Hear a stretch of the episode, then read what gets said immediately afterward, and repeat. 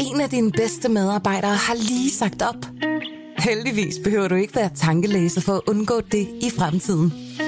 WinningTemp indsamler data gennem hyppige og anonyme medarbejderundersøgelser, så du lettere kan mærke pulsen på dine medarbejdere og støtte der, hvor der er behov. Kunder som Alfa Laval, Orkla og Volvo bruger allerede WinningTemp og ser, at det øger trivsel, reducerer turnover og hjælper med at fastholde talenter. Få gratis gennemgang allerede i dag på winningtemp.com. Velkommen til Morgenposten. Berlingskes nyhedsoverblik.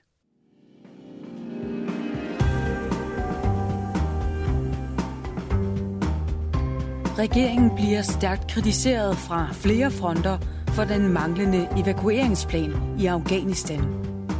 Og USA's præsident Joe Biden gjorde det i aftes ganske klart, at han ikke fortryder sin beslutning om at forlade Afghanistan. Han vil ikke give krigen videre til flere præsidenter.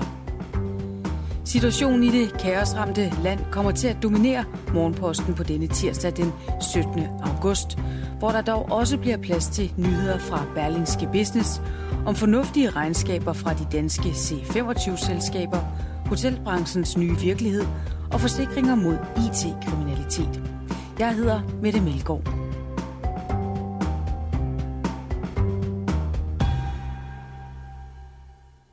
Både Berlingske, Jyllandsposten og Politikken bringer i dag kritik af regeringen og stiller spørgsmålstegn ved, hvorfor der ikke har ligget en evakueringsplan klar. For der har været rigeligt med advarsler om, at Afghanistans militær kunne kollapse lynhurtigt. Allerede i december 2020 advarede Forsvarets efterretningstjeneste om, at tilbagetrækning af vestlige tropper kunne risikere at føre til en reel risiko for, at de afghanske sikkerhedsstyrker vil bryde sammen, skriver Berlingske. Og det får både politiske ordfører og eksperter til at anklage regeringen for ualmindelig langsom reaktionstid. I politikken kommer kritikken fra tidligere statsminister Anders Fogh Rasmussen, der i første omgang ledte Danmark i krig i Afghanistan. Og i Jyllandsposten siger tidligere udenrigsminister Per Stig Møller blandt andet, at statsminister Mette Frederiksen har ført en amatøragtig udenrigspolitik. Omkring kl. 22 i aftes dansk tid talte USA's præsident Joe Biden til nationen. Han slog først og fremmest fast, at han ikke fortryder tilbagetrækningen af de amerikanske tropper. Kabul faldt godt nok hurtigere end ventet, men det var afghanernes egen fejl, ikke amerikanernes, sagde præsidenten. Amerikanske tropper kan ikke og skal ikke kæmpe en krig og dø i en krig, de afghanske styrker ikke selv er villige til at kæmpe, lød det fra Biden. Og uanset hvor grim tilbagetrækningen har set ud denne weekend, står præsidenten ved den. Der bliver ikke flere amerikanske præsidenter, som skal rode med en krig i Afghanistan. Sorte Per slutter hos mig, fastslog Joe Biden.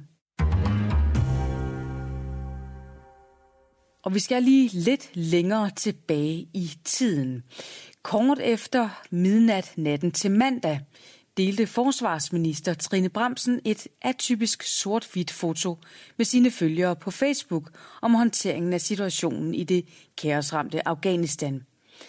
Og det er langt fra tilfældigt, at billedet af Bremsen og udenrigsminister Jeppe Kofod, der også giver mindelser om et kendt Barack Obama-foto, er blevet delt på forsvarsministerens sociale medier, siger ekspert i politisk kommunikation. Eksperten tror dog ikke, at det vil tilfredsstille de mange kritikere, der altså mener, at regeringen var fornølende med at indkalde til forhandlinger om de lokalt ansatte afghanere. Det er oplægget til dagens lydartikel fra Berlingske, som du får et uddrag fra.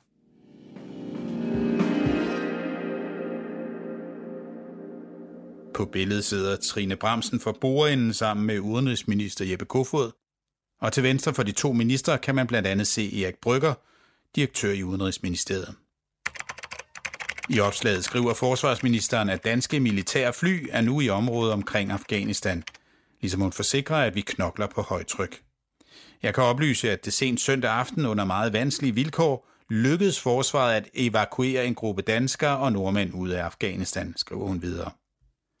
Den danske regering indgik onsdag i den forgangne uge en bred politisk aftale om at tilbyde en række lokalt ansatte afghanere samt deres nærmeste familier evakuering til Danmark samt midlertidig ophold i to år. Men Udenrigsministeriet har ikke nået at få de lokalt ansatte evakueret til lufthavnen i Kabul, på linje med de danske ansatte, inden Taliban for alvor begyndte at nærme sig hovedstaden, og regeringen har fået omfattende kritik for at være fornølende med at få indkaldt til forhandlinger for at få de afghanske ansatte ud. Ifølge Troels Johannesen, strategisk kommunikationsrådgiver og ekspert i politisk kommunikation på sociale medier, forsøger de to ministre med billedet at vise handlekraft. Trine Bramsen og Jeppe Kofod har været bagud på pointe i den her sag, fordi man er kommet for sent i gang med at evakuere de her tolke med flere, som har hjulpet Danmark i krigen. Og derfor er man nødt til at spille på alle tangenter i kommunikationen for at vise handlekraft over for danskerne. Det er det, man forsøger med det her opslag. Om det så tilfredsstiller de mange kritikere, både Folketinget og befolkningen, det vil jeg tvivle på, siger han. Troels Johannesen bemærker, at billedet giver mindelser om et noget mere kendt billede, nemlig fotoet af den daværende amerikanske præsident Barack Obama fra det såkaldte Situation Room i det hvide hus, som sammen med ledende medlemmer af USA's regering og militær fulgte den mission, hvor Osama bin Laden blev dræbt af amerikanske elitesoldater. De blev kritiseret massivt af snart sagt alle partier i Folketinget for ikke at gøre noget, og for ikke at gøre noget hurtigt nok i forhold til tolkene. Og det her er et visuelt forsøg på at vise, at man er i gang, siger han og uddyber.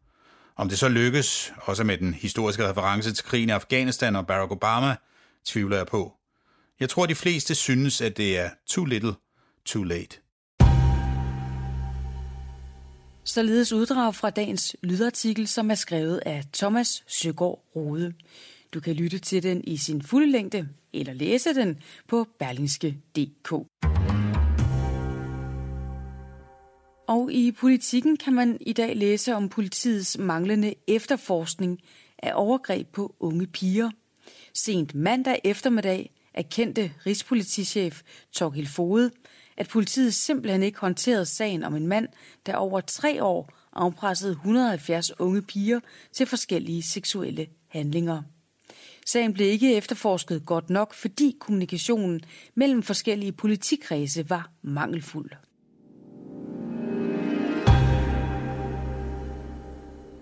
17 af de danske C25-selskaber er kommet med regnskaber. Ifølge børsen ser det allerede rigtig fornuftigt ud. 11 af dem har nemlig opjusteret deres forventninger til 2021-resultatet på trods af, at der stadig er meget usikkerhed. Det er vel først og fremmest et udtryk for, at man satte baren relativt forsigtigt i begyndelsen af året, da man ikke rigtig vidste, hvordan pandemien ville udvikle sig, siger Nils Let, aktieanalysechef i Carnegie, og det siger han til børsen.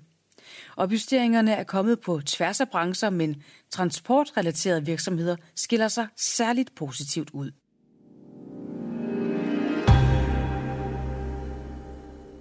Hotelbranchen er stadig en af de hårdest ramte under coronakrisen, og flere markante hoteller indstiller sig nu på en ny virkelighed, skriver Berlingske i dag. Dorte Krak, administrerende direktør i Arp Hansen Hotel Group, som ejer i alt 13 hoteller, fortæller, at de lige nu har en belægning på 25 procent, så der er langt til de 75 procent, hotelkæden havde før krisen. Det går også ud over Danmark og København, for har man ikke en attraktiv turismeindustri, så kan det danske erhvervsliv, kulturliv og gastronomi ikke være med på den internationale scene, siger Dorte Krak. En stigning i antallet af hackerangreb får forsikringer mod IT-kriminalitet til at skyde i vejret. Således er forsikringer mod cyberangreb steget 56 procent i gennemsnit i andet kvartal i USA, hvor prisen i Storbritannien er steget 35 procent, skriver Finans. Blandt danske virksomheder, der har været udsat for hackerangreb de seneste år, er Mærsk en af de mest opsigtsvækkende. I 2017 blev virksomheden ramt af et angreb, der ifølge det efterfølgende regnskab kostede shipping-giganten mellem 1,3 og 1,9 milliarder kroner. Her til sidst skal vi også omkring nogle af de begivenheder, der finder sted i dag.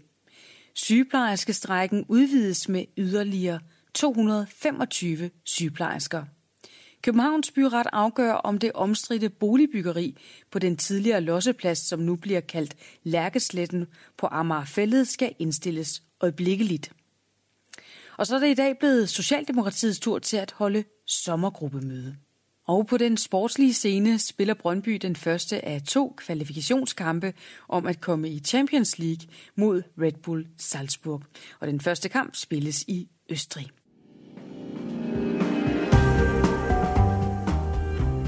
Morgenposten runder af for nu, men du kan naturligvis lytte med igen i morgen tidlig fra klokken 6, hvor Palle Skov står for Berlingskes daglige nyhedsoverblik. Senere i dag ligger der også en ny udgave af nyhedspodcasten Pilestræde klar. Tak fordi du lyttede med. Jeg vil ønske dig en rigtig god dag.